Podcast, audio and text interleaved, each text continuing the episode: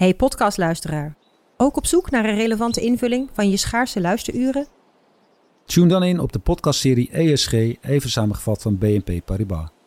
Wij, Marloes en Aldert, spreken daar duurzame voorlopers en wereldverbeteraars. Waarover dan? Nou, bijvoorbeeld of we ooit duurzaam kunnen gaan vliegen. En waarom koeien in de stad nou een goed idee is? Dat en meer elke twee weken in een nieuwe aflevering. Dus abonneer je. ESG, even samengevat. Al 125 jaar kwaliteit voor jou thuis met Miele. Dat vieren we met jou. Ontvang nu tijdelijk een cashback tot 125 euro op veel Miele-apparatuur. Geniet van de kwaliteit van Miele. Voor perfect verzorgd wasgoed en kleding die veel langer mooi blijft. Voor een stralend schone vaat, even perfect als jouw diners. En een stofvrij thuis waarin echt hygiënisch schoon de standaard is. Check miele.nl voor alle feestelijke aanbiedingen.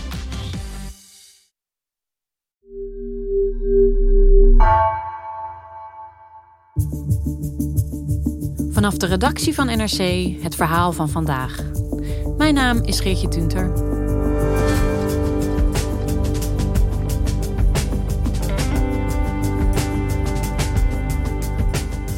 Restaurants zijn al maanden dicht.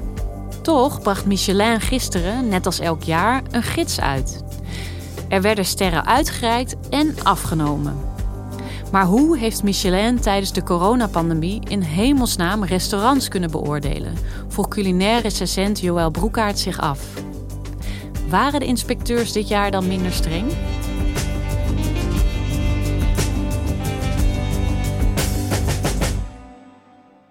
Gistermorgen werden de nieuwe Michelin-sterren bekendgemaakt. Dus de, de nieuwe Michelin-gids van 2021 werd gepresenteerd in de Lamar Theater in Amsterdam. En dat ging uh, een beetje anders dan voorheen. Goedemorgen. Live vanuit een leeg De La Mar Theater in het centrum van Amsterdam. Heet ik u van harte welkom bij de presentatie van de selectie 2021 van de Michelin-gids Nederland. Normaal is het daar een drukte van je welste. De hele zaal is vol, allemaal dringen voor een plaatje. En vooral na de uitreiking is het daar echt drommen vol uh, in, de, in de foyer. And now I would like to invite you all to take part in the fabulous food and drink that have been provided by the chefs who are cooking. Thank you. Thank you, Michael Ellis. Iedereen staat daar champagne te drinken en lekker met elkaar bij te praten. Maar ja, gisteren niet. Gisteren was het helemaal leeg. En ja, dit jaar is natuurlijk heel anders dan elk ander jaar. Hoe, hoe ging de uitreiking uh, nu? Dit jaar was het uh, via Zoom allemaal, alles digitaal. En ze hadden een Zoom Teams verbinding met, uh, met alle chefs... om toch zoveel mogelijk die er live bij te hebben. We gaan zo eens kijken of ik contact kan krijgen met de chefs... die dus met die ene ster in de selectie 2021 zijn opgenomen. Het zijn die acht chefs die hebben allemaal vanochtend bezoek gehad. Ja, Olly, daar ben je. Olly Schuiling, Kasteel Heemstede. Goedemorgen. Niet alleen de uitreiking was volledig digitaal. De hele gids is dit jaar digitaal. Die verschijnt dus niet meer op print. Michelin heeft een nieuwe app. Het kan u niet ontgaan zijn, want via die app is natuurlijk al vreselijk veel bekend geworden, onbedoeld, afgelopen zaterdag.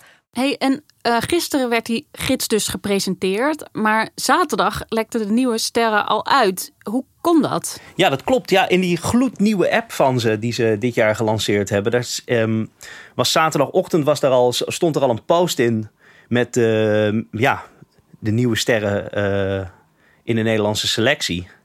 Dus ja, dat is, ik denk dat het gewoon te vroeg gepost is. Technische fout, zeggen ze zelf. Hm, wat een anticlimax uh, eigenlijk, hè? Ja, wel een beetje. Aan de andere kant hebben ze nu drie dagen lang media-aandacht gehad. Dus op zich uh, snijdt het mes wel aan twee kanten.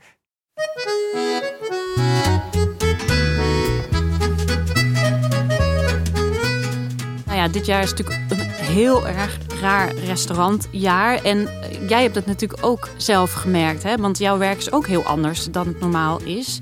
Ja. We kennen jou natuurlijk als culinair journalist, recensent van, van NRC. Um, maar NRC heeft besloten eventjes geen restaurants te recenseren. Ook nog toen ze nog open waren. Ik had een aantal restaurants al bezocht. En we hebben besloten om die recensies op dat moment niet te publiceren. Omdat het gewoon een hele gekke tijd is. En we eerst even wilden kijken welke kant het opging. Nou ja, en dan vervolgens merk je dat er ergens in mei weer dingen mogelijk zijn. Maar die moeten dan vervolgens met allerlei restricties. Dus eigenlijk met één hand op je rug moet je dan opeens weer proberen te draaien. En het allemaal, eh, ook de cijfers allemaal kloppend te laten zijn. Dus als je dan maar 30 man binnen mag hebben. Uh, er zijn restaurants die draaien maar 30 man op een avond, omdat het hele kleine tentjes zijn. Maar als er anderhalve meter tussen moet, kun je opeens nog maar vier mensen kwijt. Die hadden opeens een heel groot terras gemaakt op een parkeerplaats. En dan merk je gewoon dat het heel onwennig is. En als ik dan een restaurant ga recenseren waarvan ik eigenlijk helemaal niet weet hoe ze normaal draaien, dan, uh, ja, dan vind ik het niet eerlijk om ze dan volgens af te rekenen op hun prestaties in zulke bizarre omstandigheden. Ja, want dat is toch wel wat je je afvraagt inderdaad. Hè? Van oké, okay, bij Michelin hebben ze dus wel besloten om die gids te maken. Was dat niet ja, toch ook voor jou misschien een beetje wonderlijk om te horen? Ja, dus vroeg ik en velen met mij vroegen ons af... Ja, hoe, hoe kun je nou in zo'n korte tijd, in zo'n gekke periode... toch zo'n gids uitgeven? En daarover heb ik vorige week uitgebreid gesproken met Werner Loens. Hij is de hoofdinspecteur van uh, Michelin Benelux. Dus dat betekent dat hij uh, de leiding heeft over het team inspecteurs... wat hier uh, voor België en Nederland de gidsen maakt. Wij hebben bijvoorbeeld bij NRC besloten om geen recensies te doen. Ook niet toen de restaurants weer open gingen. Maar ik, ik ben heel verbaasd van wat je mij vertelt. Want uh, wat wij hebben eigenlijk uh, wat wij hebben uh, ondervonden en waargenomen is dat wanneer de, de, de, restaurants weer open gegaan waren, dat ze allemaal hartstikke vol waren. En ze werkten allemaal heel goed. En ook wat, wij, wat ik zelf heb gezien, dat is heel wat restaurateurs hebben gedurende 2,5 maand goed nagedacht met wat ze bezig waren. En echt heel goed beginnen koken zijn. En waar dat we echt verbaasd waren van, uh, tja, ik wist niet dat hij dat kon. Als we heel eventjes teruggaan naar de, de geschiedenis van die, van die gids. Hè? Want je vergeet het altijd, tenminste ik vergeet het altijd snel. Maar als je dan langer over die Michelin-gids nadenkt, dan denk je... Oh ja, dat had iets met die bandenfabrikant te maken. Hè? Met het Michelin-mannetje en zo. Hoe zit dat ook alweer precies? Nou, Michelin was een, um, oorspronkelijk een rubberfabriek, opgericht door twee broers, helemaal in het begin van de 20e eeuw, Eduard en André Michelin. En die hebben iets ontzettend slims bedacht. Die dachten, als we nou mensen een reden geven om veel op pad te zijn, dan gaan ze veel rijden en dan moeten ze vaker nieuwe Michelin-banden kopen. Dus elke keer als je een nieuwe banden kocht, dan kreeg je daar een klein gidsje bij, de Michelin-gids. En in eerste instantie stonden daar natuurlijk vooral in hè, waar, waar je onderweg kon piezen of waar er een garage was of misschien een hotel, et cetera. Dat was heel, heel uh, praktisch eigenlijk. Volgens mij is de eerste keer dat er restaurants beoordeeld zijn, is ongeveer in de jaren twintig geweest. En toen hadden ze eigenlijk alleen nog maar één ster. En in 1931 is dat beroemde drie sterren systeem geïntroduceerd het leuke is dat ze het dus ook um, in onderwegtermen uh, altijd, altijd geven. Dus zeggen, kijk, één ster is een, is een uitstekende keuken. Als je daar langskomt, moet je er zeker gaan eten. Twee sterren is een keuken, nou, dat is wel de omweg waard. Hè? Als je toch onderweg bent, maak een paar extra kilometers om daar te gaan eten. En drie sterren is de reis op zichzelf waard. Ja, ja, daar mag je je band op stuk rijden. Maar goed, eigenlijk is het dus gewoon slimme marketing hè, van, een, van een bandenbedrijf. Maar inmiddels is die gids legendarisch en ook wel best heel dominant in de, in de culinaire wereld. Is te zeggen hoe dat zo is gekomen? Waarom is dat? De Michelin-gids is uitgegroeid van een slimme marketingtruc van een bandenbedrijf tot een iconische, op zichzelf staande uh, gids uh, in de culinaire wereld. En het is leidend in de gastronomie. Michelin is dus wereldwijd. Um, ze maken 32 gidsen. En ze willen vaak niet zo heel veel zeggen over eh, hoe en wat en waar. Ik weet ook niet hoeveel inspecteurs er in de Benelux zijn. Maar in totaal over de hele wereld zijn het er 100 tot 120 die dus samen die 32 gidsen maken. En is het dan ook zo vlak voor die uh, uitreiking hè, dat er gaat gonzen van nou deze mensen maken misschien kans. En heb, je, heb jij bijvoorbeeld ideeën wie er dan sterren bij kunnen gaan krijgen? Ja, er wordt natuurlijk elk jaar ongelooflijk veel gespeculeerd. En op zich hou ik me daar meestal afzijdig van. Want er is toch, het blijft toch ergens ook wel ondoorgrondelijk. Er zitten toch altijd wel weer verrassingen tussen. Maar goed, er zijn natuurlijk, kijk, iemand die veel genoemd werd, was bijvoorbeeld Richard van Oosterbrugge. Dat is een bekende naam. Ja, producer Nina van Hattem is afgelopen donderdag, een paar dagen voor de uitreiking, bij hem langs geweest. Ik ben Richard van Oosterbrugge. In Amsterdam heb ik uh, restaurant 2 in 2, uh, een Michelinster. In Singapore hebben we ook nog een restaurant. Uh, Table 65 heeft ook een Michelinster. Als jonge kok uh, wil je dat, is dat natuurlijk een soort van heilige graal om Michelinster te halen. Uh, dan lukt het op een gegeven moment. En dan nou, dat, dat, dat, dat, verandert best wel heel veel. Dat, en als je er twee haalt, nog, nog veel meer. Er worden dingen gewoon aangenomen dat het goed is of zo. Weet je? Als je twee sterren, oké, dat zal wel goed zijn als twee sterren, weet je wel. En daardoor krijg je ook wat meer vertrouwen, zelfvertrouwen, waardoor je toch wat meer gaat, dingen gaat proberen. En dat je daardoor ook wel weer beter wordt. En ja, het is goed, voor de zaak. Je zaak zit gewoon vol. En het is ook heel lekker voor je ego. Elke kok die wil gewoon Michelinster. En als het niet zo is, dan, uh, dan is het gewoon niet gelukt. Of ben je gewoon niet goed genoeg. Of I don't know, ik weet het niet. Maar er zijn er maar weinig die het niet willen. Ja, ik hoop natuurlijk op twee sterren. Maar of je ze hebt, dat weet je niet. Dat blijft spannend. Ik denk als dit jaar het hem niet wordt, dan, uh, dan moeten we nog harder werken. nee joh, we gaan het zien. Ik, uh, ik ben echt uh, ben heel gespannen. Dus in het wereldje gaat het dan rond en dan gaan fluisteren mensen tegen elkaar. Richard gaat hem misschien wel krijgen. En, maar ja, je zei ook al, het is nogal ondergrondelijk. Hè? Dus dat laat ook wel blijken dat, dat we ook weer niet zoveel weten van hoe dat precies werkt achter de schermen. Uh, wat weten we daar eigenlijk wel van? Hoe win je of verlies je een ster? De Michelin-gids is niet alleen maar een lijstje van sterrenrestaurants. Er, worden, uh, ik bedoel, er zijn nog veel meer restaurants die niet opgenomen zijn in de gids. Maar de eerste stap is dat een restaurant op de kaart staat en goed genoeg is om opgenomen te worden in de gids. En van die pool restaurants waar die inspecteurs dus uh, van zeggen, nou, die zijn goed genoeg om uh, in ons gidsje te staan. Daarvan komen er een select aantal in aanmerking voor een ster. Het begint met een bezoek van een inspecteur. En die maakt een rapport. En op basis van dat rapport besluit de hoofdinspecteur dat er nog een keer een inspecteur naartoe moet. En dan gaan ze in conclaaf. Het moet unaniem. Ja, ja. En die inspecteurs, ik neem aan, die zitten daar allemaal anoniem in die restaurants. Hoe doen ze dat precies? Kijk, die inspecteurs zijn anoniem, ja. Maar Michelin is ook een instantie die ook wel in gesprek... en Michelin is ook wel te bereiken voor chefs... om, om te vragen van... god jongen, wat zouden we nou beter kunnen doen... En ik hoor ook wel van, van koks dat ze toch ook vaak wel weten wanneer er een inspecteur langsgekomen is. Dus er is ergens toch ook wel een beetje bekend wie of waar je dan op zou moeten letten. Ze zitten sowieso altijd in hun eentje. Dat valt al op. Van twee weten we het. En uh, we denken dat er nog wel één of twee nog meer langs geweest zijn. Ja, het is echt gewoon, ja, dan moet je juist de rust be bewaren en zorgen dat iedereen lekker in zijn vel zit en gewoon zijn werk doet. Vroeger toen begon ik echt helemaal te flippen. en dan stond echt iedereen, die stond dan echt helemaal uh, stijf van de zenuwen. Dat werkte gewoon niet. Maar goed, ik ben inmiddels uh, ietsje verder.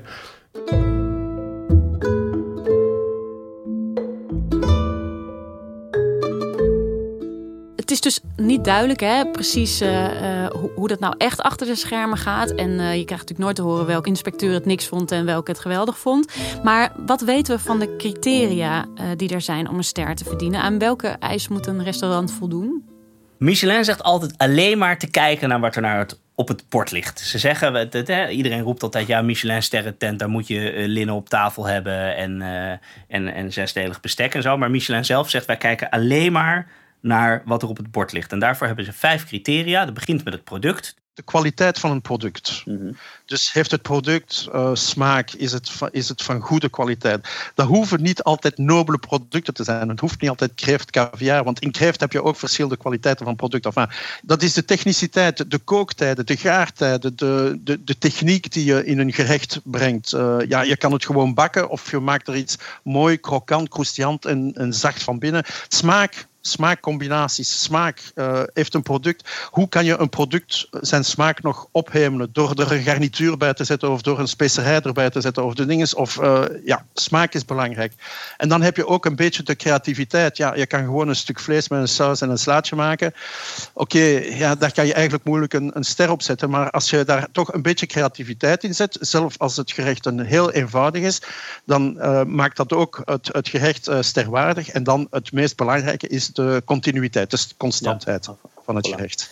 Kijk, Joël, we hebben het nu natuurlijk gehad over het instituut hè, dat Michelin is geworden de afgelopen decennia. Um, maar ja, we hebben natuurlijk een krankzinnig restaurantjaar achter de rug. Hoe hebben zij zich dan kunnen voorbereiden op het uitbrengen van deze gids? Ja, dat was natuurlijk de grote vraag. Eind januari hadden we de, hadden we de gids van 2020 in handen. En eh, no- nog geen zes weken later is het lockdown. Vervolgens in juni mogen de restaurants open onder allemaal restricties en allemaal onwennige omstandigheden. Half oktober is het weer dicht. Maar mijn beeld blijkt niet helemaal te kloppen en dat van velen met mij. Want voor de gids van 2021, die dus nu uitkomt, zijn ze in november 2019 al gaan eten. En hadden ze dus vier volle maanden normaal kunnen draaien voordat er eh, de eerste lockdown inging. En hebben ze dus in de zomer eh, eh, keihard bijgebeund. Maar uiteindelijk toch maar een maandje gemist. Ja, want je had het natuurlijk over die restricties. Het voelt allemaal weer zo lang geleden, hè? maar dat je je naam moest opgeven en dat er allemaal schermen stonden en zo. Nou ja, de horeca is nu Ja. al zo lang dicht. Ik ben al bijna vergeten hoe het was.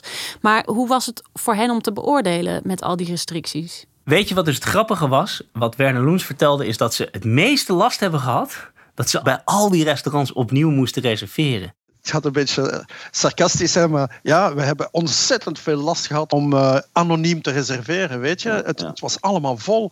En dan, en dan vandaag met het online reserveren, dat is voor ons echt een, echt een probleem. Je bent verplicht bij, bij veel online reservaties, ben je verplicht voor met twee te reserveren. En dan kom je eigenlijk alleen. En dat is dan al een beetje een probleem altijd. Die reisrestricties, die, eh, die zijn natuurlijk ook verschrikkelijk lastig. Werner Loens vertelde dat hij, dat hij op een gegeven moment is gaan helpen in Frankrijk en, eh, en Spanje. Ik ben naar Frankrijk en naar Spanje gegaan. Dat was wel heel leuk, want ik ben met de auto gegaan en ik heb eh 4000 kilometer gereden op, eh, op eh 10 dagen tijd. En dat was echt superleuk. Dan ben je opeens wel weer heel dicht terug bij dat gidsje van die bandenfabrikant waar het ooit mee begonnen was. Ik heb een inspecteur die in Kroatië gewerkt heeft. Ik heb een andere inspecteur die in, de Nordics naar Zweden Ja. gegaan is. Dus, eh, maar het was elke keer weer eh, ja, tussen twee periodes waar je mocht. En Ja. dan was er weer een lockdown daar. Dan kon je daar niet meer naartoe. Jawel, we hadden het natuurlijk al eerder even over. Jij recenseert op het moment niet, maar Michelin doet het dus wel. En ja, zijn ze dan coulanter geweest dit jaar?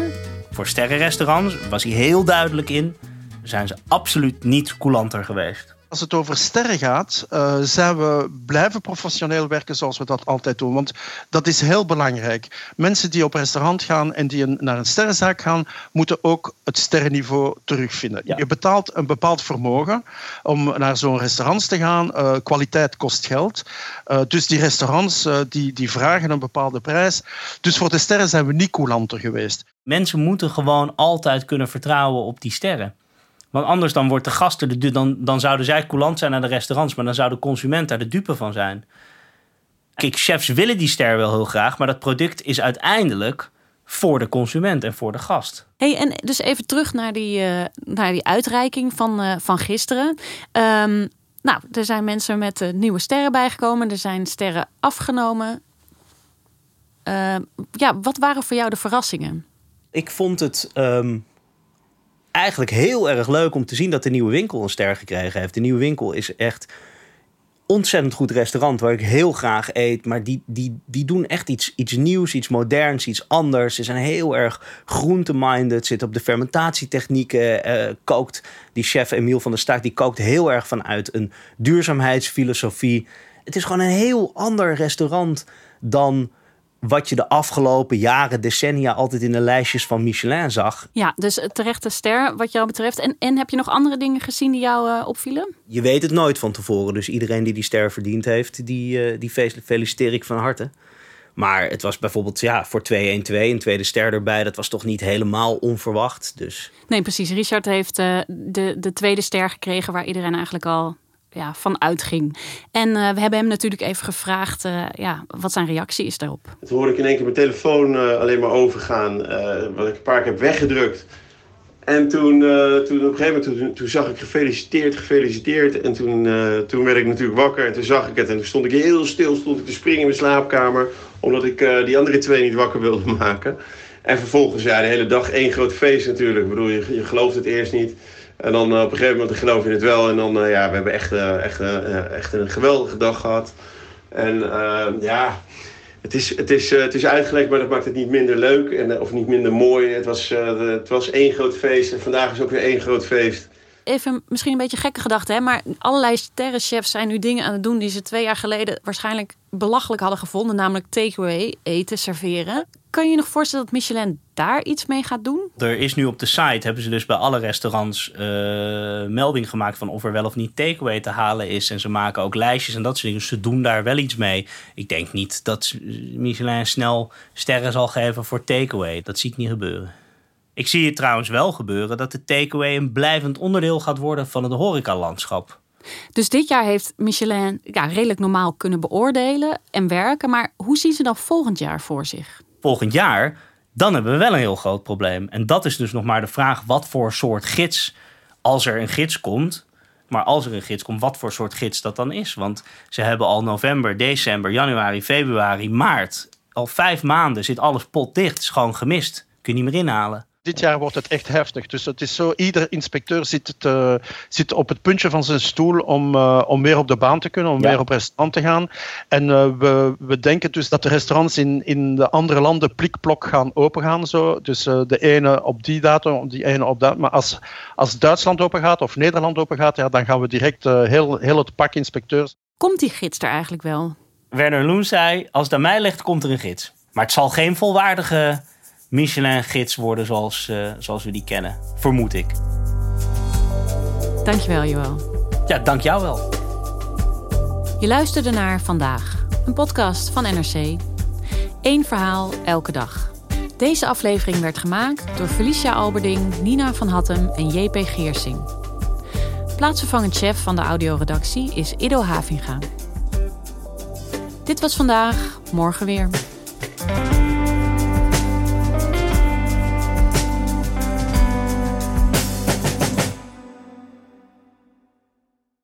Technologie lijkt tegenwoordig het antwoord op iedere uitdaging.